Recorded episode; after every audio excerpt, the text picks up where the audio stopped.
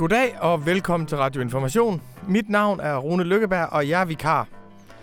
Jeg er vikar for Anna von Sperling, der plejer at lave radioinformation. Men Anna von Sperling, hun er på ferie nu. Så derfor så får I Informations traditionelle plan B, som er det, vi kalder Radioinformations sommerspecial, hvor jeg inviterer fire forskellige gæster ind til at tale om et stort tema, noget som har optaget os i løbet af året eller i løbet af vores liv. Og det er i år Europa, verden, klima og pandemien. Det er klart, at pandemien har været det store tema. Det, der har fyldt meget i vores liv i 2020, og vi løber jo efter det fra dag til dag og følger kurver og tal og dødsfald og smittetal. Men vi har også behov for ligesom at træde 10.000 skridt tilbage og se på pandemien. Hvad er det for en ting, der ramte os? Hvordan har den skadet utrolig mange mennesker? Men også, hvad er det for et mulighedsrum? Og der vil jeg sige, på Information, der fik vi for øh, et par måneder siden den idé, at vi ville drømme lidt om verden efter pandemien. Fordi en, vi ved godt, at pandemien har ramt rigtig hårdt mange steder, og vi kan se, hvordan pandemien har ramt de svageste samfund hårdest, og de svageste i de svageste samfund allerhårdest, at i nogle lande har man faktisk ikke rigtig økonomisk kapacitet til at lukke ned, fordi der simpelthen er for mange, der kommer til at sulte. I andre lande som Danmark, der er vi så privilegerede, så vi kan lukke ned og skrue lidt op, lukke ned og skrue lidt op, fordi vi har sådan en solid økonomisk basis. Så pandemien har udstillet de uligheder, vi godt vidste, på en måde, som vi ikke vidste, hvor forfærdelige og afslørende var. På den måde har det også været en fremkaldelse af skyggesiderne af vores samfund. Men det er ikke det, vi vil tale om i dag. For det vi gjorde for et par måneder siden på Information, det var, at vi tænkte, hvordan kunne man drømme om, at verden så ud efter pandemien? Hvordan kunne man forestille sig, at vi fik en helt anden verden? Hvordan kunne man forestille sig pandemien som et som ikke bare en katastrofe, men også som et mulighedsrum for at danne et nyt samfund? Og i den anden der inviterede vi forfattere, kunstnere og musikere til at give hver deres bud på en verden efter pandemien. Og det blev en særvis, som udkom den 29. maj, som vi er utrolig stolte af, og som vi er utrolig glade for, at have faciliteret, at andre kunne udfolde for os. Og en af dem, som var med i den særvis, og var blandt de absolut første, vi tog fat i, det er kunstneren Simone Åberg Kern, og jeg havde ved den lejlighed mulighed for at tale med Simone Åberg Kern om, hvordan hun så pandemien. Og jeg blev simpelthen så inspireret af den måde, hun så det som et gigantisk mulighedsrum. Hun havde selvfølgelig også forståelse for alle de negative sociale og økonomiske effekter af pandemien, men det var ikke det eneste, der var. Og vi ved godt, at verden kan være forfærdelig, men hvordan kan det forfærdelige også blive til en befrielse? Det var ligesom det blik, som Simone hun åbnede for mig, og derfor har jeg inviteret Simone Åberg Kern til vores radioinformations special. Velkommen til, Simone. Tusind tak, Rune. Jeg sidder her bag et kæmpe stort sort æg, der ligner sådan et påskeæg, der gør, at jeg næsten ikke kan se dig. Og så er der sådan en øh, mekanisk konstruktion, som ligner måske sådan nogle æderkoppearme, som er mikrofonophænget. Så igennem det, så ser jeg dig sidde derovre på den anden side af et lille bord i et lille bitte kontor. Og sidste gang, jeg var i sådan et lille kontor, så var det sammen med Anders få. så, øh, og vi skal tale om pandemi. Så de sætter ligesom scenen her med æderkopper midt på bordet i et lille klaustrofobisk rum, og sidst med Anders få. Pandemi, krig, mulighed er det, jeg tænker. Og var det, jeg tænkte, ligesom da du bad mig om at komme herind. Og på vejen herind på cykel, så mødte jeg en dame.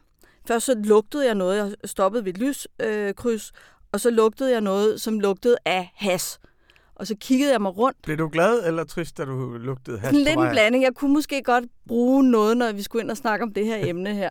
Uh, og så kigger jeg mig omkring, og så opdager jeg en dame, som går rundt og hygger sig med en flammekaster.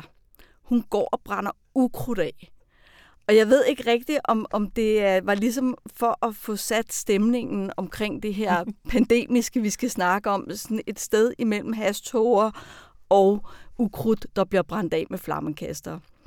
Så øh, ja, tusind tak, fordi jeg måtte komme. Herligt. Vi er flammekaster i fællesskab. Ja. Fortæl mig først, Simone, hvordan opdagede du pandemien? Jeg opdagede pandemien længe før den kom, fordi jeg arbejdede i Kina. Og øh, pandemien kom jo først der. For det første så øh, har kinesere rigtig længe opført sig som om, at de var midt i en pandemi, fordi der har været SARS og sådan nogle ting. Øh, så kinesere går jo ofte rundt med masker på i samfundet. Øh, og omkring slutningen af januar og starten af februar, øh, der begyndte pandemien at starte i, i, i Wuhan.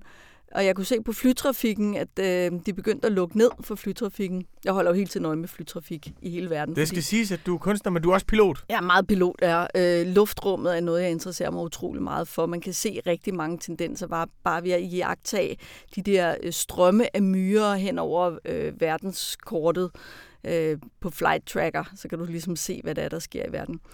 Øh, man kan også se på skibene. Men anyway, der kunne man begynde at se, at Wuhan blev øh, isoleret. Øh, og så begyndte nyhederne jo også at komme frem igennem mine øh, kinesiske kilder og så videre, og ret hurtigt blev min udstilling i Kina lukket.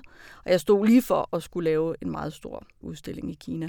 Så jeg blev ramt af det ret tidligt, og man kunne ligesom mærke, øh, hvordan Danmark slet ikke fattede, hvad der skete, selvom WHO jo har advaret om en kæmpe pandemi, som kunne være meget værre end den, der kom. Øh, så sad vi her i Danmark og, og, og var øh, rimelig øh, resistente øh, virkelighedsresistent over, hvad der var på vej. Så jeg sad sådan set bare og ventede på, at vi fik øjnene op, og smitten gik i gang, og trak mine unger hjem fra skoler og sådan noget øh, lige der ugen inden, hvor jeg kunne se, at nu måtte det være ret kraftigt i Danmark. Så du trak dine unger hjem fra skole før ja, statsministeren ja, sagde, så lukker vi? Ja, jeg var i gang med at bede skolen om at begynde at lave forholdsregler inden. Og Altså, det var ligesom, da jeg var rengøringsassistent på Rigshospitalet og opdagede, at øh, de der øh, computer, de satte ind for at registrere, hvor, hvor meget tid man brugte ind på operationsstuerne, smadrede smittekæderne. Øh, og der var jeg lige kommet ud af folkeskolen og arbejdede som rengøringsassistent. Det virkede heller ikke at snakke med overlægerne om det. Øh, så fik de kæmpe smitteudbrud på Rigshospitalet på grund af det. Men altså, ja. Øh, folkeskolen lytter heller ikke til forældrene. Hvordan har du så levet under pandemien? Jamen, øh, jeg øh, bor i en lille lejlighed øh, på 65 kvadratmeter, tre værelser, hvor at øh, hoved- og bagtrapper har været under ombygningen det sidste år. Øh, så jeg har levet med håndværkere inde i lejligheden. Vi har seks delebørn, mig og min mand. Min mand er lastbilchauffør og har været på arbejde hele tiden. Han er vores infrastruktur. Han har kørt, kørt varerne ud til os. Så han har været på arbejde, stået tidligt op hver morgen. Øh, og jeg, der ellers skal ud og mærke verden, jeg har været låst inde i sakrofagen, som ikke har været et meditativt rum, men tværtimod et øh, rum, hvor der blev boret og banket. Så vi gik rundt med høreværn på, og langsomt forsvandt børnene simpelthen til, til de andre deleforældre. Øh, så vi bare, så jeg bare var tilbage med et barn, øh, Fortnite og håndværkerne derhjemme. Det var ret hårdt. Hvordan udviklede det sig så for dig? Jamen, det, det udviklede sig på den måde, at altså, jeg synes jo, det er sindssygt interessant, når der sker sådan noget. Jeg synes, det var interessant, at, at jeg var i så et stresset rum, mens jeg på øh, den skærm, altså man får sådan en telebevidsthed øh, ved, at skærmen bliver jo forbindelsen til verden.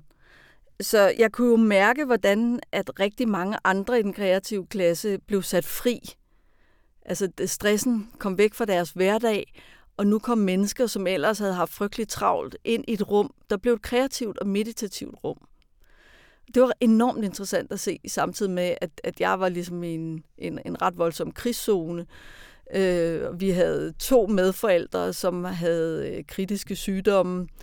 Øh, så jeg sad og skrev med politikere om, at de blev nødt til at sørge for, at, at man kunne komme i udisolering. For jeg ved fra min farmor, som var tuberkulosesygeplejerske i starten af århundredet, at fattige familier bliver ramt enormt hårdt, og smitten kommer til at blive så meget hårdere i små øh, hjem med mange børn, og det var jo faktisk det, vi havde ligesom i starten af pandemien.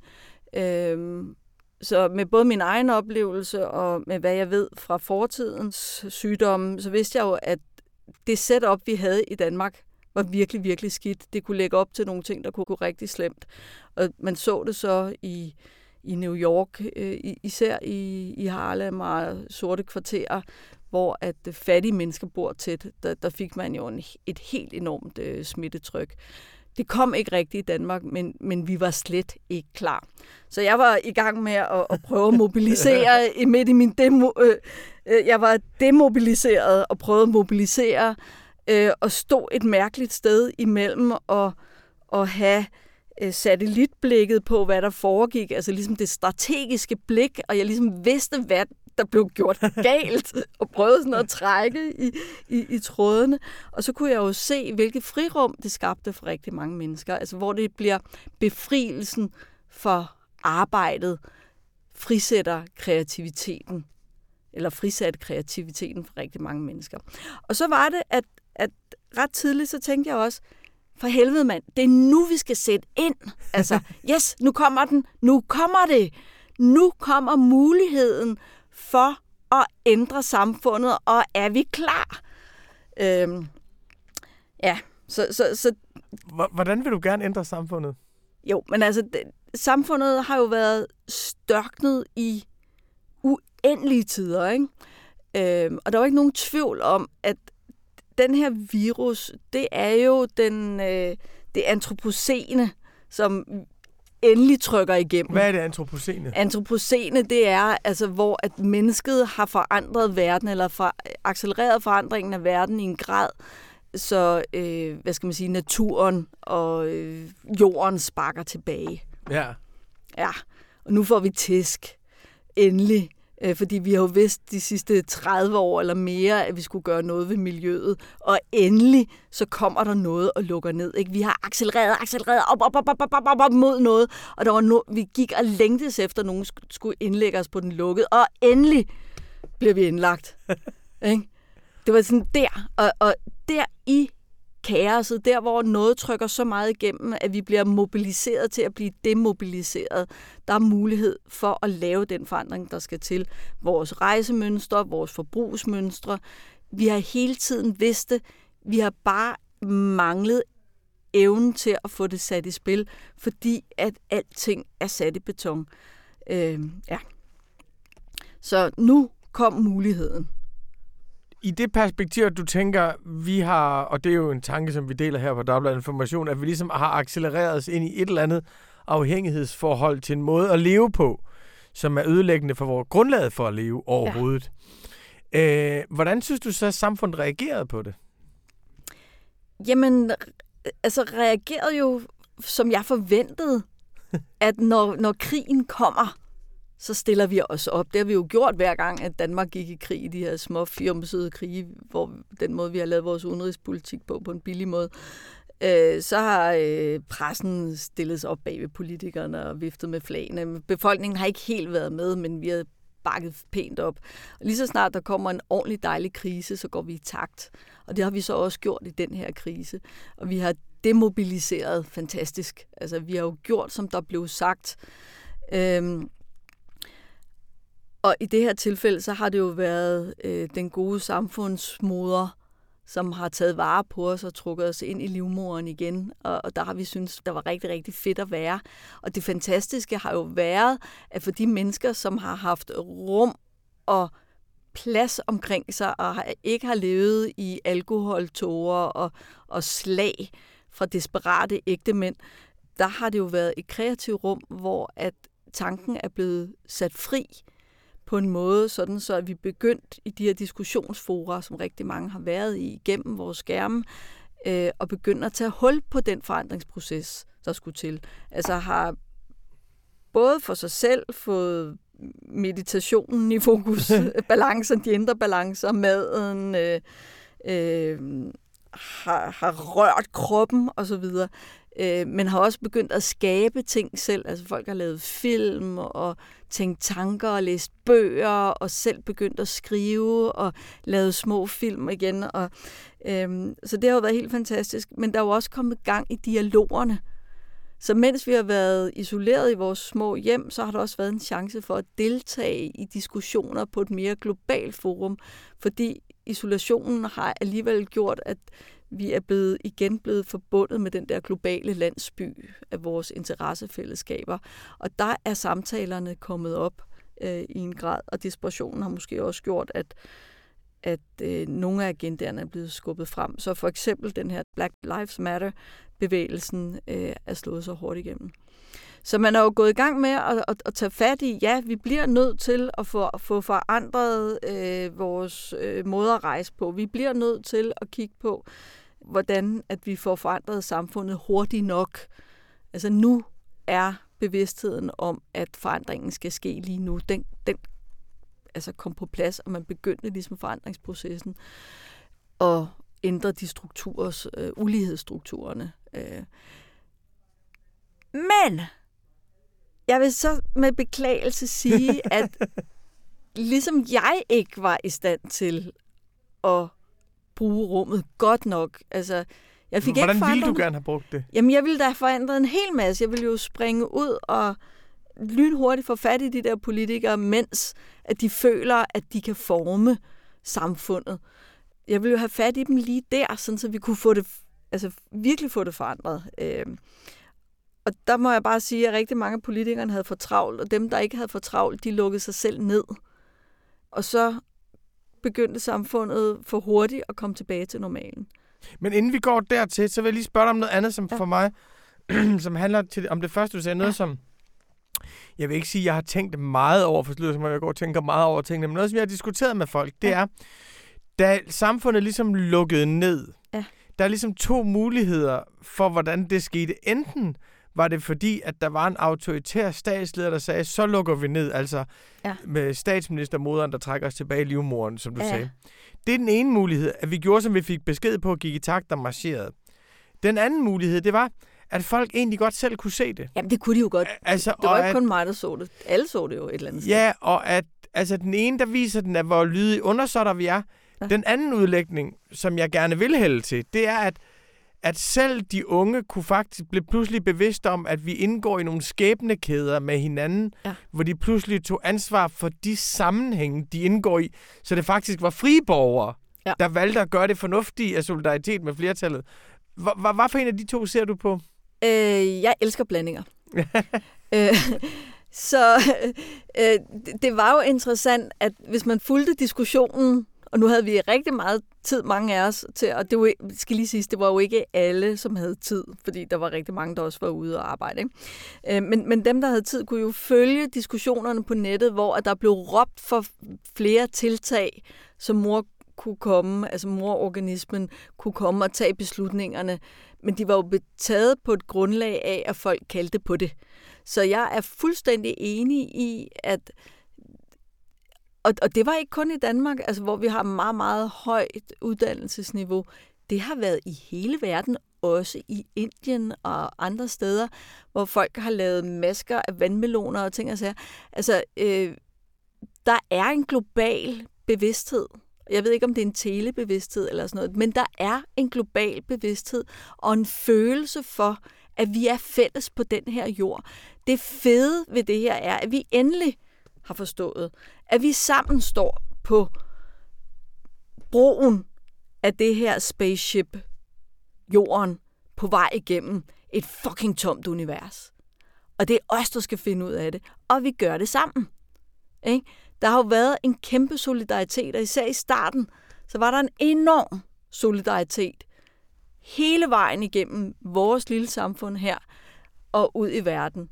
Det var først lidt senere, at de der øh, uligheder begyndte at komme frem, og lige pludselig opdager, at det er altså dem, der er fattige i forvejen, som bliver meget, meget, meget mere syge, og som dør i langt højere grad osv. Og så kom ulighederne op, og så begyndte massebevægelserne at ruske rundt. Men grundlæggende, og den første, altså den der, der hvor, hvor krigen er fantastisk, og jeg mener, at krig er skidt, men der, hvor den samfundsomvæltende ruskelse, mm. jordskælvet, der hvor øh, brækkerne i samfundsstrukturen lige bliver rystet fri, lige den der, uh, øh, hvor vi lige står et øjeblik på gyngende grund, lige der. Det er det øjeblik, der er fantastisk. Det er der, hvor man skal se, at alle ligesom kigger sig omkring, inden redselen har sat sig for dybt, og kigger efter dem, der står omkring, og, og redder de andre op på den isflage, man selv står på. Lige det der øjeblik, før man begynder at skubbe folk i vandet. Det er det sted, der er fantastisk. Og der viste vi os som mennesker sammen. Og det synes jeg er fantastisk. Det er ikke der, hvor friheden er den enkeltes ret til at skubbe de andre i vandet, men det er der, hvor friheden er til at få de andre op omkring sig og trække folk sammen og skabe noget smukt sammen. Det er frihed. Øh, og den så vi. Det Jeg- synes jeg var pissefedt.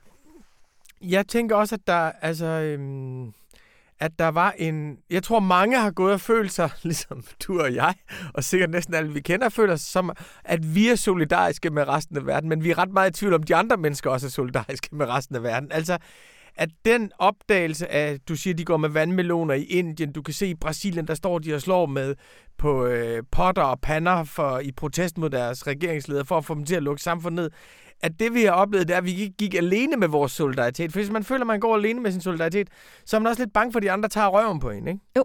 Men det er ligesom opdagelsen af solidaritet hos de andre. De andres verdensborgerskab, som gør, man tror mere på det hos en selv. Ja, det smukke ved masker er jo, at man gør det for at beskytte den anden. Ja, præcis.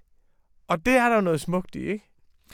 Så jeg tænkte, da, da corona kom, at gud, hvor har vi et meget større forandringskapacitet i fællesskab. Ja, og det er forandringskapaciteten, Rune. Det er det, der er det fede. Altså det, vi har opdaget, vi kan ændre noget. Det er den vigtige lære. Vi kan ændre noget. Hey, ikke? Og jeg synes, altså selvom at øh, det ikke lige lykkedes mig at få det der en gang om året, så får jeg sådan et øh, information abonnement på en eller anden måde. så prøver jeg lige lidt. Øh, jeg kan jo se, at I er gang i et eller andet lille øh, opdragelsesprojekt med lige at få øh, nogle brækker ind, så vi kan have en fælles samtale om, som kan være med til at skabe det her forandringspotentiale. For vi bliver nødt til at have nogle trædesten Præcis. at snakke ud fra, så vi kan have en fælles samtale på en eller anden måde. Øh, og så kan vi invitere alle de der andre synspunkter ind, som så kan sammen med alle de her forskellige synspunkter, kan give os en, en viden, som kommer højere. Ikke? Og skabe noget sammen. Ikke? Øhm, så det synes jeg er helt fantastisk. Nej, nu kommer jeg lige Men det er fedt, vi kalder det dannelsesaktivisme. Ja. Altså det vil sige, danne folk til i fællesskab at kunne handle. Ja, fordi at det er jo... Der, man, man kan jo sige, at altså, noget jeg også lidt oplevede i, i starten af pandemien, det var det, der var nogen, der ligesom var sådan, yes! øh, eller, oh shit, nu kommer det, og nu går vi i gang med at forberede os øh, sammen, ikke? Øh, danne, danne besøgskæder i, i ejendommen. Hvem, hvem er det egentlig i, i vores ejendom, som er lidt isoleret? Hvem er det, vi lige skal gå op og banke på hos? Og hvem er det, vi skal købe ind for? Og sådan noget. Det, det gik jo lynhurtigt i gang. Og, og mig, der går hen til skolen og siger, prøv at høre, vi bliver nødt til at have hygiejne lidt mere på, på plads, fordi at øh, det, det, det, smitten kom i, i omløb i den her weekend. Ikke? Og så er der dem, ligesom de der folk så hen i skolen, der siger, nej, vi venter, vi følger sundheds, vi følger Sundhedsstyrelsens anbefalinger. Øh, der, er, der er ligesom dem, der er allerede i gang med at handle, fordi vi kan se, det sker. Og så er der dem, der følger Sundhedsstyrelsens anbefalinger, som altid vil være frygtelig langt bagefter. Øhm, og et eller andet sted, så skal vi jo have dem, der passer reglerne og følger reglerne, øh, står for inerti. Altså inerti, ikke? Øh, og de er jo vigtige, fordi at hvis alle os, der bare er ude, og øh, alle os Anders Fogher, øh, som løser indre problemer igennem ydre aktivitet. Hvis vi får for meget medløb, så går det jo frygtelig galt. Det har vi jo set i vores krig. Det bliver virkelig lort og lavkage. Øh, så, så selvfølgelig skal de være der, men på en eller anden måde, så skal der være en balance imellem de her strukturelle personager, øh, og, og, og dem, der sørger for, at reglerne bliver overholdt, og så dem, der skal sørge for, at forandringen skal ske. For vi skal lave en forandring, og det skal gå fucking hurtigt. Vi har ikke lavet noget de her 30 år, hvor vi har vidst, at vi bliver nødt til at ændre den måde, vi er på planeten på. Og det er ikke den her med, at vi skal have en eller anden gudlignende superheld, som øh, øh, fjerner halvdelen af befolkningen på jorden. Så det er løsningen, vel? Eller en pandemi, der kommer og udrydder os alle sammen. Det kunne være fedt, at vi kunne gøre det på en mere human måde. Men der, og der vil jeg sige, nu har vi talt om det opløftende, det inspirerende, opdagelsen af solidariteten hos de andre, og dermed bekræftelsen af solidariteten hos os selv. Så må jeg sige, jeg har så også på den anden side haft en fornemmelse af, at der var utrolig mange, der ikke var så optaget af ligesom at opleve pandemien som et eksperimentarium for et nyt samfund, men som bare rigtig gerne ville tilbage til normalen igen. Ja. Hvordan Sådan er det du det? Ja, men det, altså jeg har jo snakket med rigtig mange mennesker, der har været i krig, blandt andet de damer, der fløj under 2. verdenskrig. Og i starten af krigen, så synes det, det altså, der ville de jo forsvare deres land, og lige pludselig fik deres øh, liv en mening, fordi at de var aktive omkring, altså hvis du var jægerpilot i, øh, i Sovjet for eksempel, og, og kæmpede mod tyskerne, som havde øh, voldtaget og brændt din familie, øh, så lige pludselig gav deres øh, krigen deres øh, liv mening, men efter en tid så fandt de ud af, hvor enormt ødelæggende den, den var for alt menneskeligt. Og sådan øh, har pandemien jo på en eller anden måde også været for mennesker. På et eller andet tidspunkt, så begynder den der situation at implodere omkring en, og man, man ser, hvilke ødelæggelser det laver. Måske ikke lige i Danmark, men, men rundt omkring. Og så vil man jo gerne tilbage til en eller anden type af normalitet, fordi det der med at være ude i det her usikre rum, som rystelserne giver, det giver selvfølgelig en utryghed, og så vil man tilbage til en eller anden øh, øh, balance. Altså, øh, det er fedt at læse en roman øh, hjemme ude, men så skal vi hjem igen. Ikke? Og hvordan undgår vi så, at vi lander tilbage i den normalitet, som du gerne vil bryde op fra? Ja, for jeg vil jo gerne have, at det der hjem igen, når vi er færdige med romanen, er et meget smukkere sted. Ja. Altså, jeg har ikke noget mod, at... Altså, jeg synes jo, samfundet faktisk, har, vores samfund har vist sig som en smuk ting. Altså, selvom jeg er meget, meget frihedselskende, så går jeg virkelig ind for samfund samtidig, selvom at jeg tit kommer i problemer med de der regler, fordi jeg er en, er en af forandringsagenterne. Jeg skal i problemer med reglerne. Øh, men jeg kan godt se for, for langt de fleste, øh, og for børnene og, øh, og, og de ældre osv., der er det rigtigt, de ældre, der ikke er en del af forandringspotentialet, der er det rigtig, rigtig væsentligt, at det er der. Øh, men jeg vil jo gerne køre det hen til et sted, hvor det også kunne være rigtig meget længere i en balance med, med, med, med samfundet. Og spørgsmålet er, hvordan kommer vi derhen, og hvordan holder vi læret vådt? Og det gør vi blandt andet med noget, sådan noget, som I gør. Altså, øh, vi bliver nødt til at lave noget dannelse. Altså, vi bliver nødt til at holde samtalerne i gang. Vi bliver nødt til at se på, hvad er de fantastiske ting, som vi oplevede i den her pandemi. Og så skabe nogle rum, forandringsrum, hvor at samtalen er frisk. Øh, jeg synes, at øh, de her øh, øh, fløjt øh, demonstrationerne og, og den her snak, eller ikke bare snak, altså handlinger omkring strukturel øh, skævhed i samfundet. Den er jo i gang, og den, den fortsætter. Det er jo en, en, en diskussion. Det, er ikke, det handler ikke bare om øh, at, at, at vælte statuer, men der er ikke nogen tvivl om, at dialogen omkring de forandringer, der skal til, strukturelle forandringer, der skal til for, at der er plads til flere mennesker i vores samfund, de er i gang. Og der skal vi holde de øh, samtalerum åbne, sådan så at vi rent faktisk får lavet en forandring, der gør, at flere mennesker kan være med til at forme vores samfund. For vi har brug for det. Vi har brug for flere stemmer til at forandre samfundet. De stemmer, som har været en del af forandringsprocessen, har drevet os et sted hen, som ikke er godt at være eller i hvert fald delvist ikke er godt at være. Så det er vigtigt at, at lave nogle kreative rum, altså, og der kan kunsten være et af de fantastiske steder, som laver, nu, der er sådan et rundt bord imellem os. Mm. Så hvis man nu forestiller sig, at vi laver nogle øer, nu, nu ryster jeg lige det her bord her, ja, det, så det her æderkoppe ophæng med vores mikrofon og sådan noget, det ryster svagt. Så hvis vi nu laver sådan nogle vibrerende flader, vi kan gå ind på, altså vi kan gå ud af vores øh, trygge domicile rammer, og så gå ind på nogle bevægelige områder. Og det kunne være sådan et sted som jeres avis, øh, som jo i dag ikke bare er et stykke papir i hånden, men også et, et dialogforum men det kunne også være forskellige typer af kunstinstitutioner. Så kan vi gå ind i nogle rum, hvor vi kan have samtaler og modellere sammen. For jeg tror, at kunsten og sådan nogle bevægelige rum kan være stedet, hvor vi kan forbinde verden, som den er derude, og så som vi føler den et eller andet sted. Fordi der er sådan et, den måde, vi oplever tingene på, og så den måde, de står i rummet på, der er et eller andet misforhold der. Øh, og forskellen på, hvordan du oplever verden, og jeg oplever verden, kan nogle gange måske have enormt svært ved at mødes, eller Anders få oplever verden, og jeg oplever verden, kan have svært ved at mødes. Men i kunsten, der kan vi måske skabe et rum, hvor at vi har det her våde lær. Altså lad os kalde det her sted, som når pandemien eller kaoset rammer os, at læret er vådt et øjeblik, så vi kan forme samfundet. Så lad os lave nogle safe spaces i kunsten, hvor vi kan gå ind sammen med åben sind og prøve at forme verden. Og så skal vi invitere dem, der har forandringspotentiale, altså dem, der rent faktisk har magten til at forandre, altså politikerne.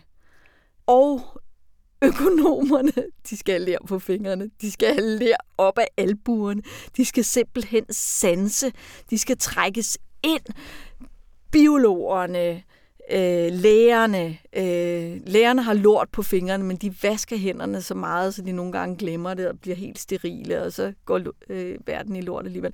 Vi skal simpelthen have nogle steder, hvor vi kan trampe rundt i læret og ligge og rulle os i det sammen. Og der tror jeg, at kunstinstitutionerne kunne være et helt fantastisk sted. Ved du hvad? Da jeg blev færdig på akademiet, så så vi... I hvilket år? Det var nok Hvilket år? 10? det var i sidste århundrede.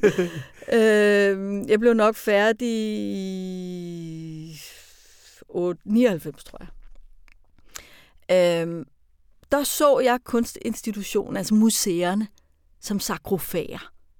Fuldstændig døde hvide steder, hvor man satte død kunst ind, eller øh, sådan nogle øh, museumsfolk. Det var sådan nogle, der rendte rundt med net, og så fangede de den levende kunst, som var sådan noget, vi lavede derude i dialog med hinanden. Så fangede de kunsten og gjorde den til kunstnere, som de gav heltestatus, og så satte de dem ind øh, spredte de dem med, øh, med sådan noget gipsstøv, så de forstenede fuldstændig, og så satte de dem ind i museerne. Og derinde stod den døde kunst, og så kunne borgerne øh, gå ind og kigge på den ufarlige kunst i montre, i sarkofager, som Tollundmanden var langt mere spændende at, at glo på, ikke? fordi han sådan begyndte at løbe ud af montren. Så derfor så gik vi rundt og lavede tingene ude i samfundet. Jeg tror nu, hvor verden, fordi vi, vi, er, vi står i sådan 1700-tals ting, altså verden er på vej til at falde fra hinanden igen. Pisse farligt sted fedt derude. Øh, der kan museerne være det her sikre sted, hvor vi kan gå ind og partielt opleve rystelser i en kunstnerisk petriskål. Men nu kan museet være det sted, hvor vi kan gå ind og få lær på fingrene sammen og rulle os i vådt lær og sammen bygge modeller af fremtiden og trække agenterne, som skal gøre det ude i virkeligheden ind og hjælpe dem med at, at få det gjort. Men jeg, jeg kan altid rigtig godt lide, når du siger sådan noget, og jeg har selv skrevet tilsvarende ting om det. Altså, øh, det jeg så tit tænker, der, hvordan ser det så ud, når det bliver konkret? At hvis du så har en masse mennesker, som egentlig går meget op i, at Mette Frederiksen, hun har lovet dem en tidlig tilbagetrækning. Fordi ja. jeg har sgu faktisk pisse ondt i ryggen og nakken, og føler sig som brugte mennesker, når de ja. kommer op midt i 60'erne. Og det vigtigste for dem, det er ikke at ligge og rulle sig i lær på museer, men det er at få lavet en tidlig tilbagetrækningsaftale her til efteråret. Altså, hvordan ser det ud i virkeligheden? Ja, det er sådan, at der er noget, der hedder frivillighed. Og nogle gange så er, er der nogen, der skal skubbes lidt ud i frivillighed, eller trækkes lidt, eller overtales lidt, fordi at det rare sted, de fleste mennesker kan godt lide at, at bare have det enormt rart. Øhm, men man, man kan trækkes partielt ud af, af maligheden og være med til det, fordi jeg tror, altså min mand, han er sådan en, som er totalt send. Han er terrorist. Alle folk siger, åh, typisk dig, Simone, så har du fundet en terrorist som mand. øh, nej, han er terrorist. ikke? Han er operationssygeplejersken. Han er den, der får tingene til at hænge sammen. Han er øh, limen i samfundet. Han er mekanikken, der får det til at fungere. Og han har det fint, som det er. Han kan godt lide at sidde i sin lastbil og kigge ud over markerne og spille mundharmonika og sådan noget. On the road again. Nu, nu, nu, nu, det er også lækkert. Han så de her fuldstændig flyvende fis i kasketten. Og, og han skal med trækkes ind på museet. En gang imellem gider han. Og der kan hans stemme være virkelig vigtig. Det kan godt være, at han bare sætter et enkelt fodaftryk, der kunne være slap af, eller sådan noget. Øh, så derfor er hans stemme vigtig. Nogle gange skal han, han skal have lov til at sige nej en masse gange, men en gang imellem kommer han derind. Vi skal forstå, at vi ikke alle sammen har det samme behov for at ligge og rulle os i, i, i mudder. Men dem, der kan lide det og kan gøre det, de skal gøre det, og så skal vi prøve at invitere nogen ind, som ikke nødvendigvis kommer sig helt af sig selv. Vi kan også tage ud til dem. Det gør jeg her i sommer. Ja. Hvordan det? Uh, jeg flyver. Jeg er i gang med at prøve at finde ud af, hvordan jeg kan få en elflyver. Det er ikke sket endnu. Men til gengæld har jeg aldrig haft bil i mit liv, eller ah, sammenlagt fem år i mit liv, eller sådan noget. Så jeg flyver rundt i Danmark og, og, og laver samtaler rundt omkring hos nogle kunstnere, som øh, jeg ikke kunne se. Og så tager jeg ud til dem, og så tager jeg nogle stykker med fra vejen. Øh, nogle, jeg finder på vejen. En, som jeg kører på stop med derhen, eller sådan noget. Og så snakker vi om, hvad det er, den kunstner har fået ud af, af pandemien. Og hvad er det, den kunstner arbejder med lige nu. Så nogle gange så kan det jo også være at invitere nogen, som måske ikke var interesseret i det der forandringspotentiale, ind nogle lidt mere safe places, ikke? Øh, jeg kan igen faktisk rigtig godt lide den der, øh, du beskriver med sådan en meget stor veneration, den arbejdsdeling, der er i Hvad samfundet. betyder veneration? Sådan, øh, respekt. Altså sådan øh, med en følelsesladet respekt, den arbejdsdeling, der er i samfundet, at der er nogen, der får det til at køre, og så er der nogen, der bryder det op. Ja. Ikke? Altså der er nogen, der smadrer mønstret, og så er der nogen, der sørger for, at hverdagen fungerer, for der skal fandme være et mønster, hvis vores liv kan hænge sammen. Ja. Og det er jo derfor, du både kan lide friheden og samfundet. Ja. Der, er- der er en plads til den, der smider med brosten, og også politibetjenten og dommeren og alt det andet. Det er jo noget med, hvordan de der balancer er. Og nogle gange så går balancerne i en retning, at, at tingene størkner for meget. Så dem, der... Altså for eksempel, kan I huske 9-11? Jeg kan godt huske 9-11. de der tårnene styrter, og vi sidder alle sammen fuldstændig paralyseret. Og det første, der sker, det er alle dem, der elsker at lave regler og passe på os. Hele den her sikkerhedsindustri, de er bare sådan, yes! endelig, endelig, endelig kommer der en mega fed katastrofe. Nu kan vi rigtig passe på jer alle sammen. Ikke? Og så går de i gang med at lukke luftrum ned, og fri flyvning bliver forbudt og sådan noget. Og endelig er der nogle rigtig fede trusler. Øh, og det er jo skide godt, at der er mennesker, der ved det. Problemet er bare, at når det der frygtscenarie bliver skruet alt for højt op, så er for mange af os villige til at give det for meget plads, og så bliver det en skævvridning. Så derfor er det enormt vigtigt, at dem, der ser, der også siger, yes, nu kommer der en mulighed for, at vi endelig kan forandre verden og gøre den til et bedre og mere kærligt sted. Altså også kommer på banen og er i stand til at, at, at, at mobilisere i de der situationer. Ikke? Og et eller andet sted skal vi bare passe på, at alle de mennesker, som altid kommer til skade, når der rykker øh, gravmaskiner ind, eller øh, trapperne bliver, bliver smadret i huset. Altså, der, altså, helt almindelige mennesker går i stykker i kaos-situationer. Der er rigtig, rigtig mange mennesker, der går til. Prøv at se på Syrien. Altså utrolig mange liv, der bliver fuldstændig smadret, når samfundsstrukturerne falder sammen. Så dem, der godt kan lide at ruske i fundamentet. Vi skal altså huske, at når vi rusker for hårdt, og væggene begynder at falde, så er det altså øh, kvinder og børn og gamle, og også rigtig mange fredselskende mænd øh, og skrøbelige sjæle rundt omkring, som bliver knust i kældrene, mens vandet stiger, eller får luften revet ud af lungerne, når vi bomber hele vejen rundt om bykernerne, fordi vi tænker, yes, så kan vi jo bygge en masse nye spændende hus.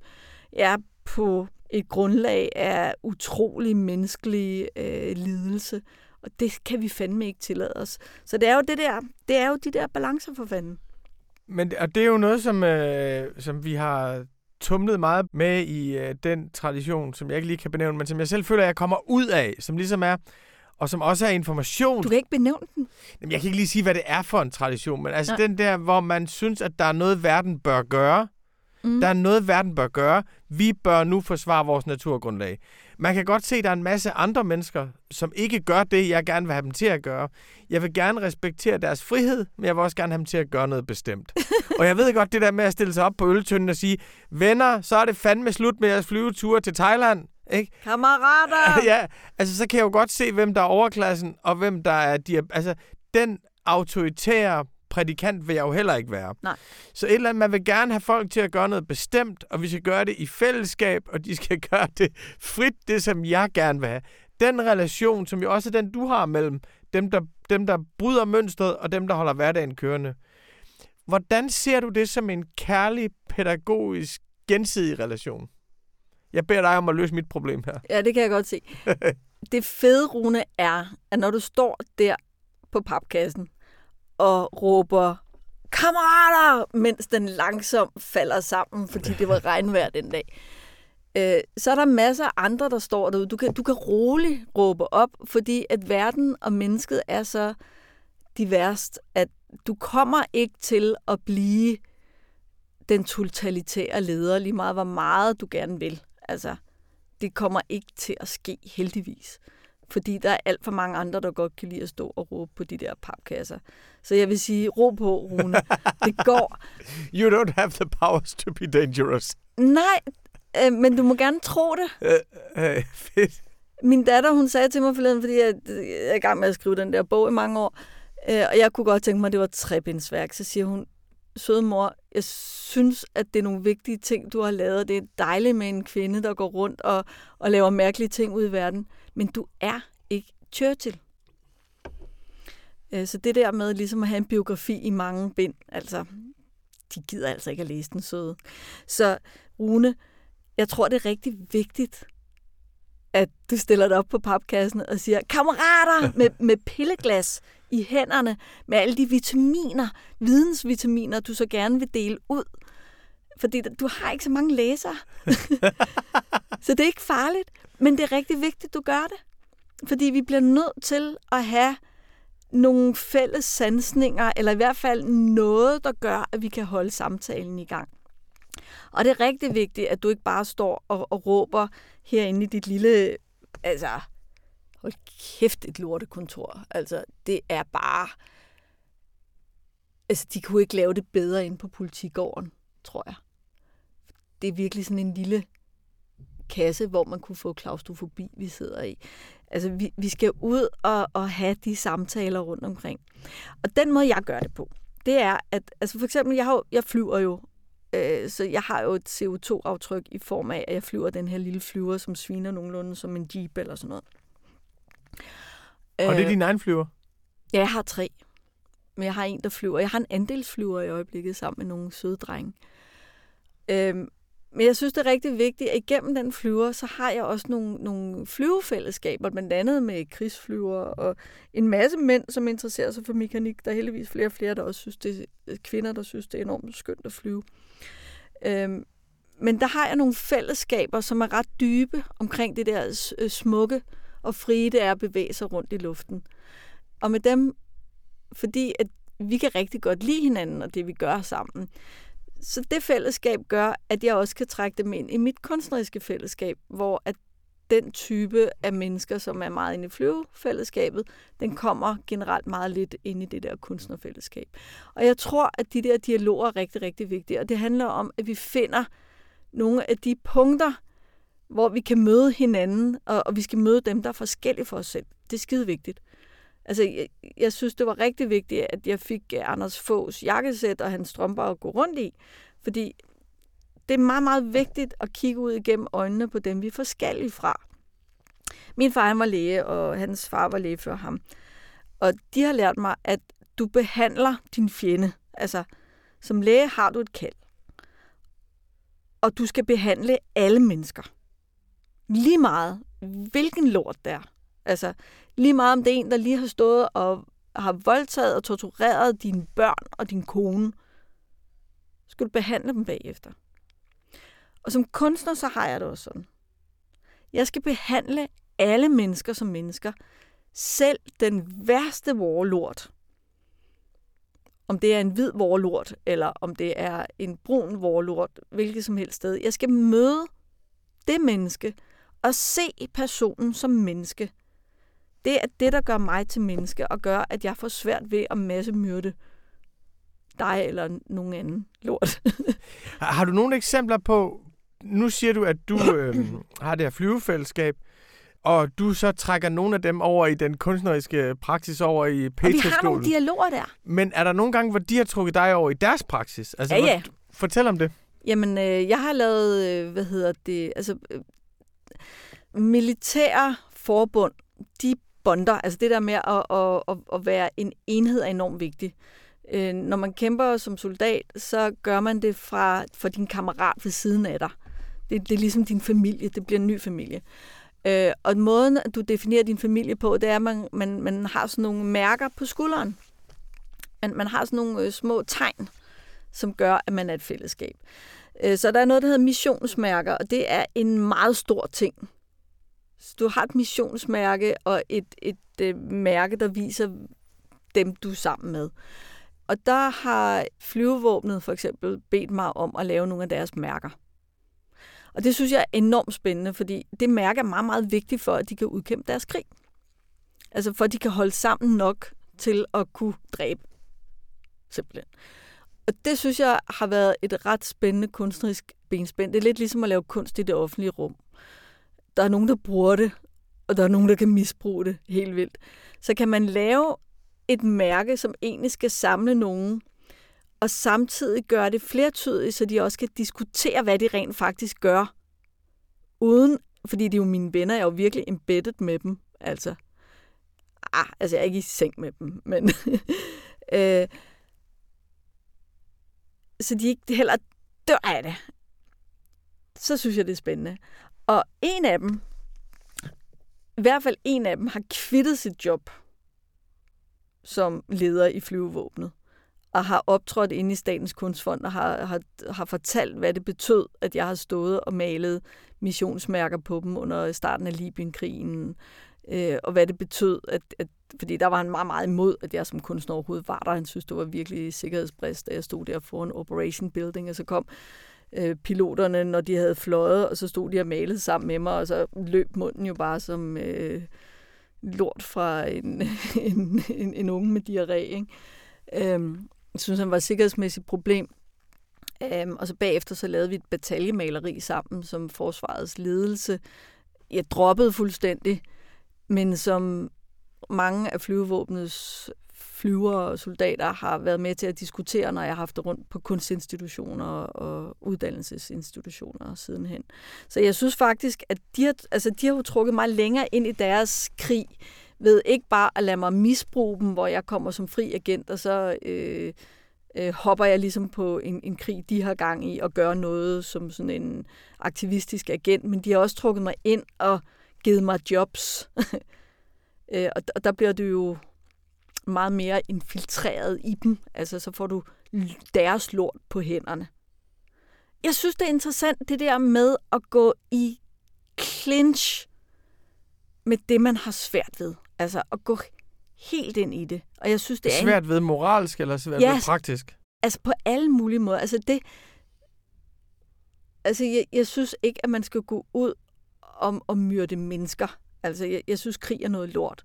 Jeg synes, det er en, et rigtig dårligt redskab, og jeg synes, man har igennem, jeg har fulgt de danske krige siden 94 eller sådan noget, ikke? Med, med Operation Bøllebank, hvor at at øh, de danske leopardkampvogne skyder endelig tilbage mod serbernes stillinger, og der er et kæmpe eksplosion bag et bjerg, og endelig svarer vi igen, efter vi har været lilleputstat siden 1864, og har lavet designermøbler og sådan noget, og fundet os i at være lillebror i klassen, så endelig kan vi gå ud og, og, og lave aktioner. Og så har vi så brugt det redskab som sådan en, en billig måde at føre udenrigspolitik på, sådan så vi har sluppet for at betale de 2% til NATO, ved at gå ud og lave nogle, nogle små, sådan en, en Herkules til Mali eller et eller andet, og så øh, er vi ligesom øh, med hos de frække i klassen og øh, the, the willing. Øh, men jeg har bare set, at de her øh, krige, de har skabt meget mere ødelæggelse. Og det betyder jo også, at når jeg og du sidder og tænker, at nu er der rystelser i samfundet, nu kan vi modellere noget nyt, så skal vi være forsigtige, fordi at den der ekspressive, udadrettede aktionsmåde at lave forandring på, virkelig også laver meget lort. Altså, det skal vi hele tiden virkelig være forsigtige på. Kunstprojekter og krige kan rigtig meget til fælles.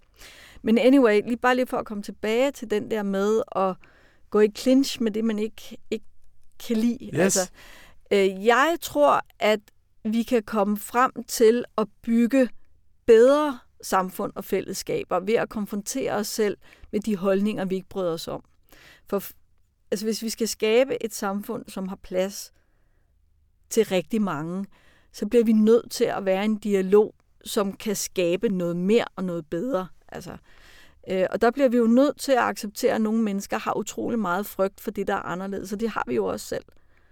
Så hvis vi skal kræve, at andre mennesker skal omfavne det fremmede, så skal vi jo også omfavne det, der er fremmed for os selv. Ikke?